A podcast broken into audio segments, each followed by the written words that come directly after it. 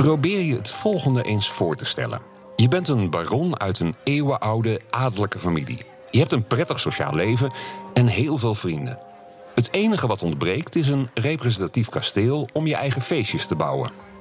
Dat wil zeggen, er ligt nog wel ergens een ruïne van je verre voorouders, maar daar moet behoorlijk wat aan gebeuren. En dat kost geld, heel veel geld. Wat ga je doen? Je zou een rijke vrouw kunnen trouwen. Dat blijkt namelijk te werken. Met een beetje mazzel kun je daarna het grootste kasteel van Nederland uit de grond stampen, een dorp verplaatsen om je tuin te vergroten en de hele wereld rondreizen om kunst te verzamelen.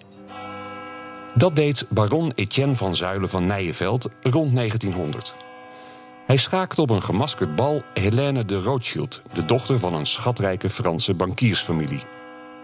Het echtpaar maakte van kasteel de Haar bij Utrecht een spectaculair zomerverblijf waar de Europese adel met alle egaars werd onthaald. Hun nageslacht ging zelfs nog een stapje verder.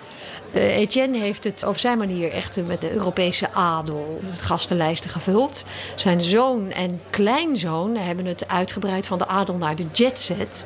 En dan zie je eigenlijk dat na de Tweede Wereldoorlog, de laatste generatie, nodigt ook uh, Brigitte Bardot, filmsterren Roger Moore, uh, Maria Callas en dat soort mensen uit. Dus dan beweegt het zich van de adel echt naar de jetset. Mijn naam is Gerard Oonk. En dit is Eenmaal Andermaal met Een Wand van Stand. Een podcast van de Vereniging Rembrandt, gemaakt door BNR... over bijzondere kunstvoorwerpen en hun reis naar het museum. Ik ga je in deze vertelling natuurlijk niet vermoeien met de high society perikelen van een adellijke familie. Al zijn daar in dit geval genoeg sappige details over te vinden. Nee, de focus ligt de komende minuten op de reusachtige kunstverzameling. Die is nogal bijzonder. Directeur Annette de Jong van Kasteel de Haar legt uit waarom. Je ziet hier in het kasteel wat ze dan in een mooi woord noemen een hele eclectische verzameling.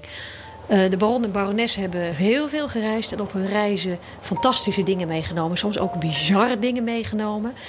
Ze hebben ook goed naar de architect geluisterd. Pierre Kuipers heeft ze geadviseerd over dingen.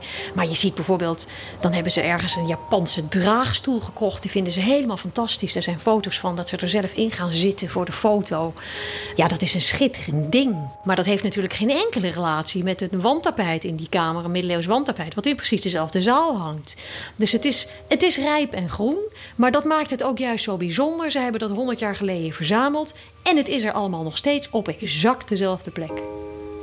De meest waardevolle kunstobjecten in het kasteel zijn drie enorme wandtapijten.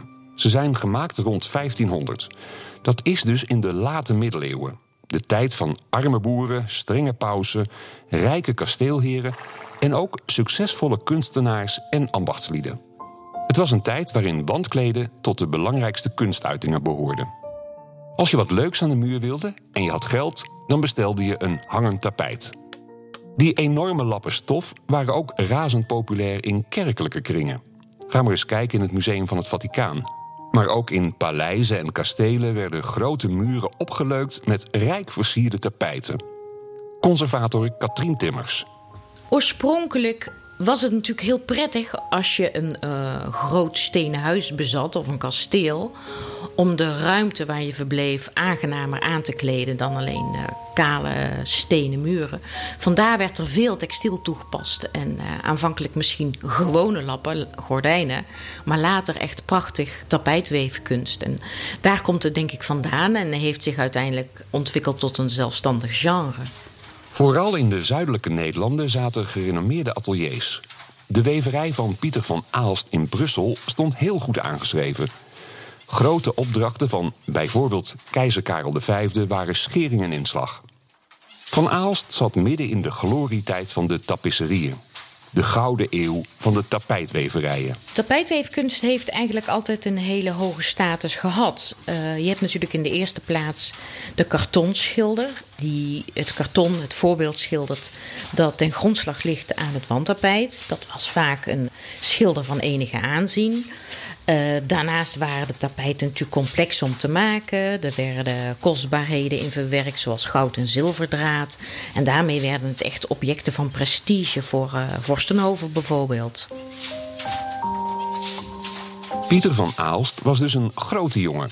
Hij liet bekende schilders een kunstwerk maken dat in zijn werkplaats werd omgezet naar kleurrijke patronen in stof, met soms wat goud- en zilverdraden. Zijn werk was ook vaak groot, letterlijk. Ik zal je een beeld schetsen. De gemiddelde Nederlandse woonkamer is tegenwoordig ongeveer 30 vierkante meter groot. En dit verhaal gaat over een wandtapijt van 4 bij 8. Groter dus dan een doorsnee huiskamer. Het is er één uit een serie van 10. 10 keer 32 vierkante meter muur had je nodig om alle tapijten op te hangen. 4 meter hoog en 80 meter lang. Dan is een riant kasteel of een paleis wel bittere noodzaak, anders raak je de zaak echt niet kwijt. Het uh, vervaardigen van die wandtapijten was uh, best heel complex. Kostte veel tijd, uh, het was ingewikkeld. Je had als ambachtsman echt veel skills nodig om dit goed te kunnen. De wandtapijt die we, zoals deze die we hier zien, is ook nog eens keer verschrikkelijk groot. En je moet je voorstellen, de tapijtwever staat op een rij naast elkaar. Met onder zich het karton. Het karton was het schilderij wat als het ware ten grondslag lag aan het tapijt wat vervaardigd werd. En wevers zagen het wandtapijt niet recht voor zich, maar een kwartslag gedraaid. Dat kwam omdat de kettingdraden en de inslagdraden als het ware zo op het weefgetouw zaten dat zij dat tafereeltje niet recht voor zich konden zien. Dus dat was nog eens extra complicerend. Daarbij was het heel tijdrovend. En ja, zegt men dat men ongeveer een aantal maanden deed over een vierkante meter tapijt te weven. Het zal inmiddels wel duidelijk zijn dat we hier spreken over grote kunst. Zowel letterlijk als figuurlijk. In kasteel De Haar bij Haarzuilens hangen drie van dit soort tapisserieën. Drie andere hangen in de belangrijkste musea van Boston, Chicago en Parijs. En jammer genoeg zijn de vier resterende exemplaren van de oorspronkelijke tien van de radar verdwenen. Het had maar een haartje gescheeld of de wandtapijten van de haar waren pas geleden verkocht. De oorspronkelijke bewoners van het kasteel moesten er vanaf, net als van de rest van hun kostbare kunstverzameling. Hemel en aarde zijn bewogen om de complete inboedel in het kasteel te houden. Ik vertel je daar zo meteen meer over, maar laten we eerst zo'n wandtapijt eens wat beter bekijken. Conservator Katrien Timmers beschrijft het eerste tapijt van de tien die oorspronkelijk zijn gemaakt. De hele serie heet overigens De Verlossing van de Mens. Dit wandtapijt, de schepping en de zondeval, beeldt in taferelen, in scènes eigenlijk de schepping van de wereld uit in zeven dagen. En uiteindelijk de zondeval van Adam en Eva. En die verschillende scènes die vertellen dan van het gebruikelijke scheppingsverhaal. Dat er licht kwam, aarde, dieren, vogels, vissen. En het laatste tafereel, het een beetje huiveringwekkend tafereel. Adam en Eva onder de boom des levens, met daartussen een gedrochtelijk monstertje dat de duivel voorstelt. Met een soort leeuwenpoten, een staart en een vrouwenkopje. En dan uiteindelijk de engel die Adam en Eva uit het paradijs verjaagt. En uiteindelijk moet Christus aan het kruis ons verlossen. En daarover gaat eigenlijk de hele reeks wandtapijten uit deze serie. Heb jij dat ook, dat dan vooral blijft hangen dat de duivel wordt afgebeeld als een lelijk monstertje en niet als een slang? Ik wel. Bovendien maakt Katrien duidelijk dat al die 320 vierkante meters helemaal vol staan met religieuze taferelen. Dat is niet meteen het meest gezellige onderwerp, maar de koper kon zich er blijkbaar wel mee profileren. Hij imponeerde zijn gasten met Genesis in de gang. Tapisserie was een hele hoge vorm van kunst en werd met name gemaakt in opdracht van vorstenhuizen, pauzen, noem maar op. En dan is religie wel een heel belangrijk thema. Je zou heel voorzichtig kunnen stellen dat de wandtapijten rond 1500 hoger in aanzien stonden dan schilderijen. In ieder geval waren ze stukken duurder door de enorme productiekosten. De 16e eeuw brengt heel veel goede kunstschilders voort. Denk maar aan Michelangelo, Leonardo da Vinci en Raphaël. Van die laatste is bekend dat hij ook kartons maakte voor de weverij van Pieter van Aalst. Zijn voorstelling Handelingen van de Apostelen behoort zelfs tot de beroemdste kunstwerken ooit gemaakt. De tapijten zijn in 1515 besteld voor de Sixtijnse kapel en zijn daar nog steeds te zien, maar uitsluitend bij bijzondere gebeurtenissen. Het schilderwerk van Raphaël stond dus deels ten dienste van de tapisserie. De vraag rijst wie de schilder is geweest van de serie De Verlossing van de Mens. Kan dat toevallig een Italiaan zijn geweest? Helaas weten we niet met zekerheid wie het onderliggende karton of de onderliggende kartons heeft geschilderd voor deze serie wandtapijten. We vermoeden dat het iemand is geweest uit de zuidelijke Nederlanden die heel goed op de hoogte was van de wijze van schilderen in de periode 1400, 1500. En heel veel mensen denken dat hij wellicht tot de Vlaamse primitieve heeft behoord. Maar wie het geweest is, weten we niet zeker. Maar je ziet door de manier waarop hij zijn personages kiest, de fijnheid van afbeelding, het kleurgebruik en de compositie, dat het echt uh, verwantschap heeft met de schilderkunst uit die periode uit de zuidelijke Nederlanden. Kasteel de Haar bestaat al sinds de 11e of de 12e eeuw, dat is niet helemaal duidelijk. In 1449 kwam het in handen van de adellijke familie van Zuilen en dat is zo gebleven tot de laatste eeuwwisseling. Een grote bloeiperiode maakte het kasteel mee rond 1900. Aangevuld met het vermogen van de Franse bankiersfamilie de Rothschild werd het kasteel uitgebouwd, opgeknapt en ingericht. Kosten nog moeite zijn gespaard. Architect Pierre Kuipers, bekend van Amsterdam Centraal en het Rijksmuseum, heeft samen met zijn zoon 20 jaar lang naar hartelust ontworpen en gebouwd. En eerlijk is eerlijk, veel mooier kon het niet worden. De Haar groeide uit tot een sprookjeskasteel in neogotische stijl. Ook het interieur werd rijk gedecoreerd. Kuipers ontwierp zelf meubelstukken en het tafelzilver. Hij ging echt helemaal los. Directeur Annetta de Jong. Je kan dit kasteel niet beoordelen zonder de collectie erin. Het kasteel is door Pierre Kuipers aan het begin van de 20e eeuw helemaal herbouwd naar de wens van de familie Etienne eh, van Zuilen en Hélène de Rothschild.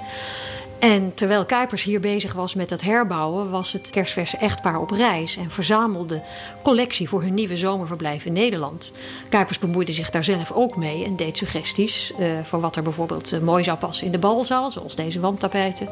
Kortom, het kasteel De Haar zoals wij het nu kennen is ruim 100 jaar geleden gebouwd ingericht door de eigenaren en de architect. Uh, en in zijn geheel, je moet het zien als een gezamtkunstwerk. Het een is absoluut niet zonder het ander te beoordelen. Dus de collectie niet meer hebben, ja, dan ben je echt heel je verhaal, is, is niks meer van over. En toch hing pas geleden dat doemscenario als een zwaard van Damocles boven het kasteel. Een groot deel van de inventaris, waaronder alle topstukken, zoals de wandtapijt en het tafelzilver, dreigde te verdwijnen na het overlijden van de laatste baron. Laat ik dat heel in het kort proberen uit te leggen.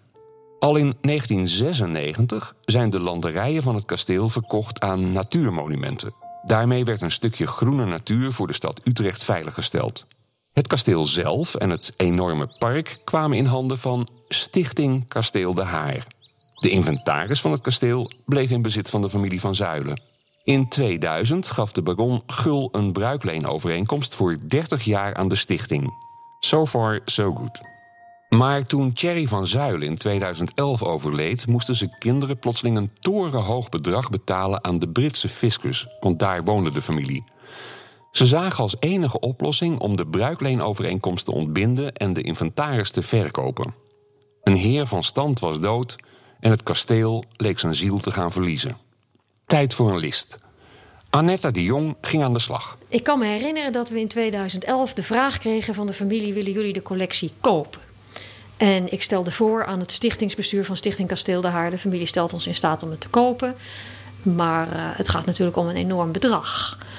Uh, en in het bestuur waren inderdaad mensen die direct zeiden van ja, je mag het proberen, maar ja, dat is natuurlijk uh, eigenlijk een onhaalbare kaart.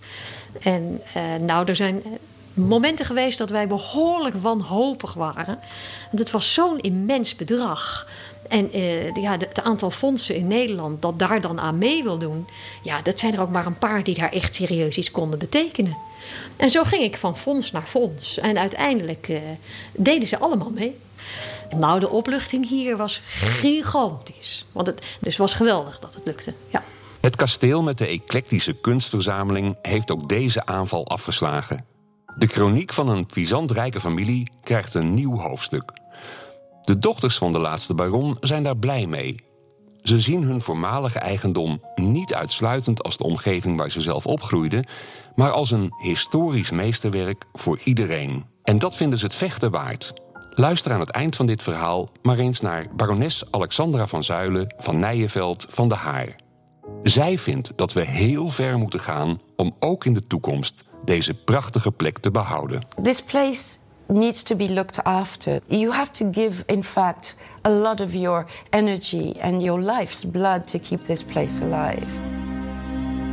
Dit was een van de twaalf afleveringen van een podcastserie over bijzondere kunstvoorwerpen en hun tocht naar de museumzaal. Eenmaal andermaal is een initiatief van de Vereniging Rembrandt, gemaakt door BNR. Luister ook naar de andere elf afleveringen.